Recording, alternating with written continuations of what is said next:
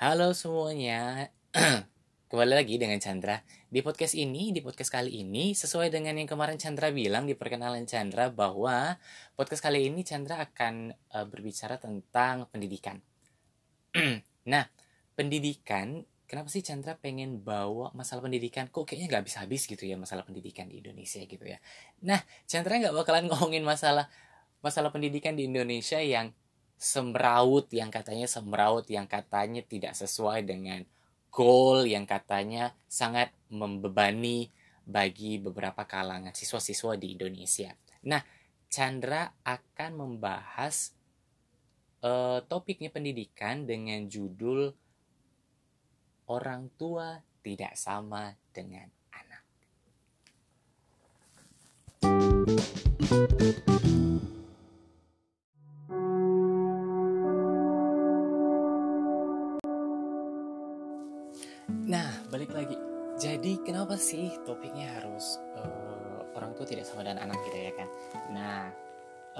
para pendengar sekalian, uh, sekarang kan uh, lagi uh, musim, bukan lagi musim. Sekarang kan kondisinya sekarang adalah kondisi di mana para para siswa-siswa yang ada di Indonesia, para pelajar yang ada di Indonesia akan melanjutkan ke jenjang berikutnya, naik kelas, terus lulus gitu ya kan. Nah, uh, apa sih masalah kenapa sih itu bisa berawal dari masalah yang bakalan Chandra bawa kenapa sih uh, itu bisa jadi salah satu pokok permasalahan dari topik yang Chandra bawa nah pernah nggak sih para pendengar sekalian dikasih tahu sama orang tua? Contohnya kayak Chandra sendiri ya Chandra pernah dibilangin bahwa uh, ayah dan bunda pengen kamu jadi zaman dulu tuh pengennya kamu jadinya lulusan hukum biar kamu jadi pengacara sukses banyak duitnya. Nah terus uh, orang tua bilang uh, ayah dan bunda tuh pengennya kamu nanti habis habis SMA nanti kamu maksudnya sekolah yang ini ya. Jadi belajar benar-benar nih kuliah nih. Sorry uh, jadi bener belajar benar-benar nih SMP jadi nanti kamu bisa masuk SMA SMA top international school zaman dulu itu.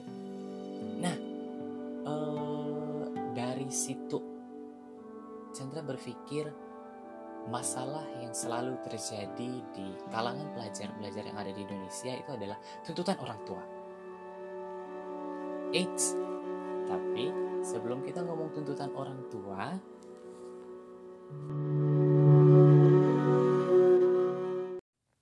sebelum kita masuk ke tuntutan orang tua, kita harus tahu dulu bahwa setiap orang tua itu ingin anaknya baik dong anaknya baik, anaknya pinter, anaknya jadi sukses nanti, biar nanti orang tua pada saat melepas ke dunia mereka tidak khawatir gitu loh.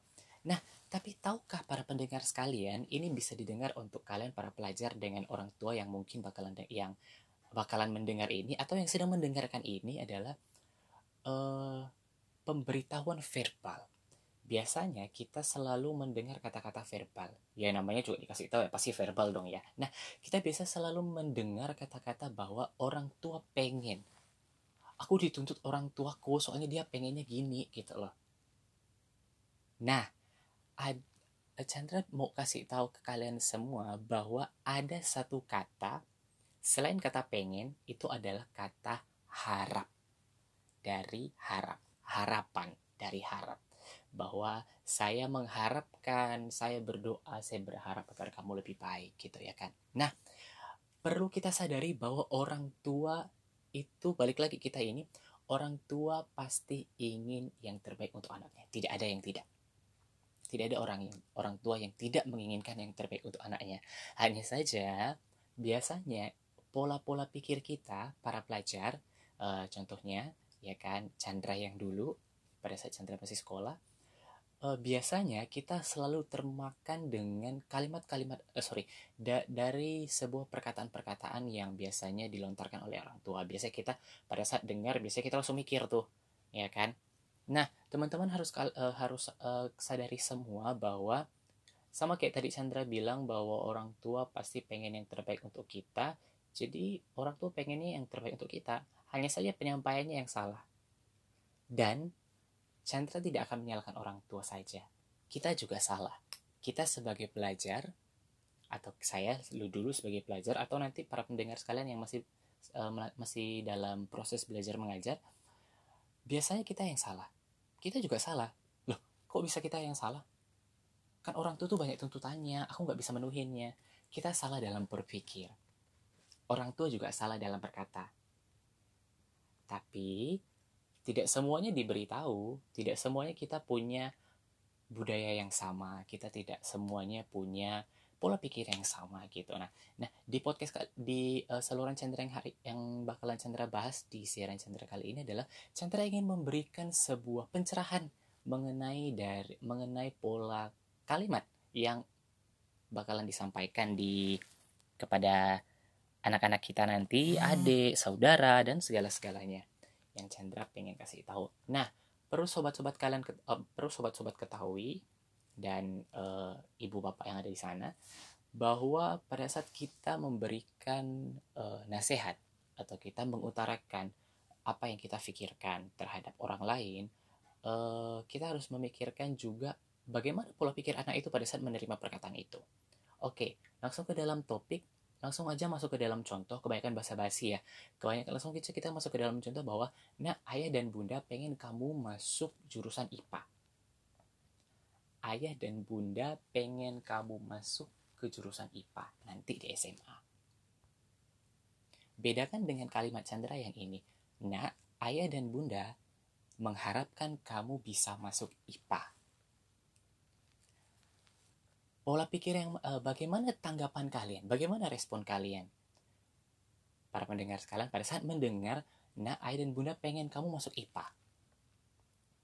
Nak ayah dan bunda pengen, sorry, nak ayah dan bunda mengharapkan kamu bisa masuk, mengharapkan kamu masuk IPA.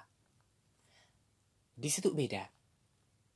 Para pelajar kebanyakan hampir rata-rata selalu melihat bahwa pada saat orang tua mengatakan bahwa uh, pengen ya oh si anak pola pikirnya langsung akan berubah seperti ini pada saat itu pola pikir anak langsung merujuk kepada ya ampun kalau aku nggak masuk IPA aku pasti kena hukum. Aku pasti gini. Ada tuntutan. Kenapa? Karena dari penyampaian verbal bahwa aku ingin. Nah ayah dan bunda ingin. Pengen. Pola pikir kita kebanyakan pelajar akan langsung mengatakan bahwa ya ampun tuntutannya banyak banget sih. Selalu terlahir atau selalu melahirkan kata-kata, selalu melahirkan sebuah pola pikir bahwa itu adalah paksaan. Nah, itu adalah paksaan. Tapi pada saat pada saat orang tua mengatakan bahwa e, nak ayah dan bunda mengharapkan kamu masuk IPA di situ pola pikir anak langsung bilang oh iya ya kau harus masuk IPA nih. Soalnya kalau aku masuk IPA aku bakalan disenengin orang tua. Orang tua aku pun bangga gitu ya kan. Nah dari situ sudah kelihatan pola pikir anak. Nah lalu kalau udah jadi kejadiannya kayak gini siapa yang mau disalahkan? Apakah orang tua? Enggak. Orang tua maksudnya enggak seperti itu. Tidak semuanya seperti itu. Memang ada beberapa orang tua yang memaksakan kehendaknya. Tapi kita sebagai anak kita juga harus memberitahu bahwa kapasitas kita seperti apa. Kita juga harus berani menyuarakan seperti itu. Nah, posisi orang tua juga harus uh, harus juga sadar bahwa pemilihan kata dalam memberikan dalam penyampaian kepada sang anak harus sesuai dengan cara berpikirnya anak. Tapi gimana caranya untuk mengetahui bahwa anak itu seperti itu? Nah, kalau kita udah tahu pokok permasalahan itu hanya Perbedaan itu hanya di kata antara kata keinginan dan kata mengharapkan. Ya mari kita ganti katanya menjadi mengharapkan. Tapi nanti anak aku nggak mau ngikut aku, gitu kan? Kebanyakan orang pasti ngomong, kebanyakan orang tuh pasti ngomong gitu. Uh, well, ayah dan bunda sekalian dan bagi kak, bagi kakak-kakak yang punya adik, uh, seperti yang kita Sandra bilang sebelumnya, kita tidak bisa menyamakan pola pikir satu anak ke semua orang dan pola pikir kita sama dengan mereka.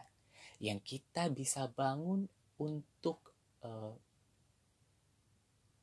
untuk membuat pola pikir mereka biar lebih gampang menerima sebuah kesalahan, menyadari bahwa yang mana yang terbaik adalah memberikan sisi positif dari kalimat verbal. Walaupun ternyata ujung-ujungnya nanti dimarah, bakalan dimarahin gitu kan.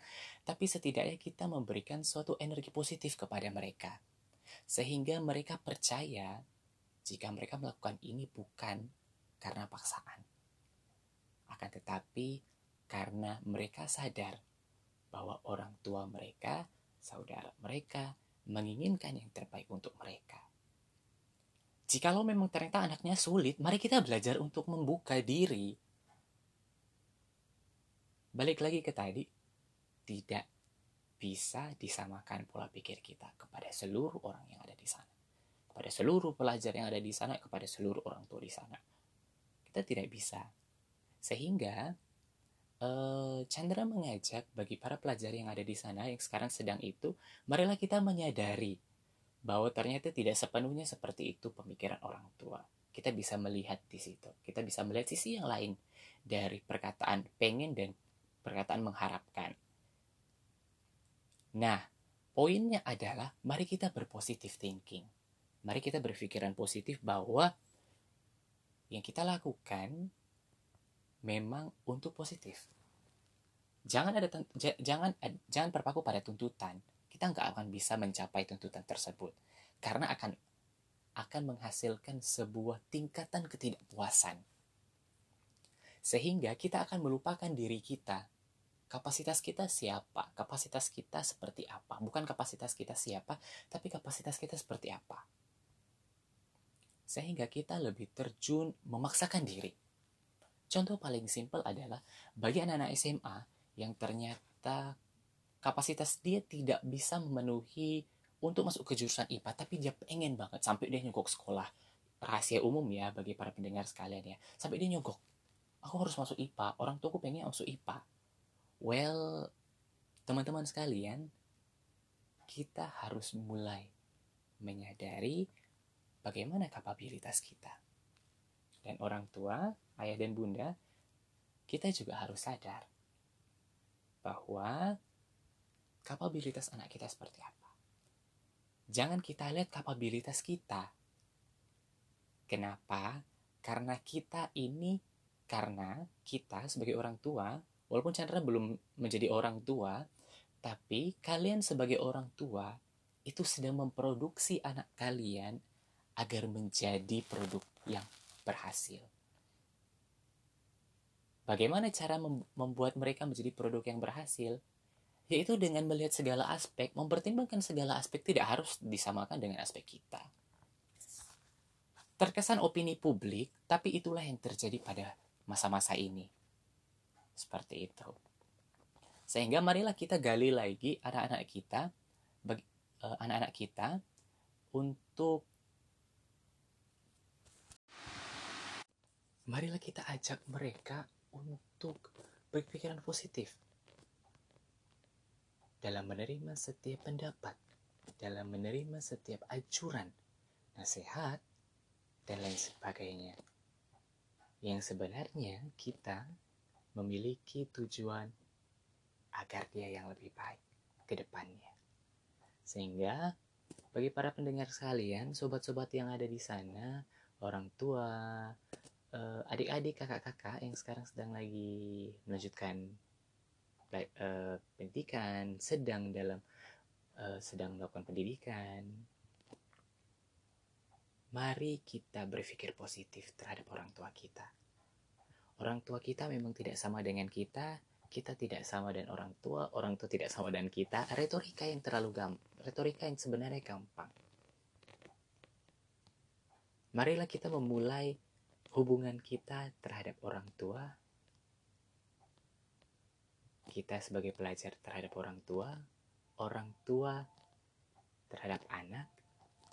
Marilah kita bangun dengan sebuah opini positif yang kita harapkan terbaik bagi semua di masa depan.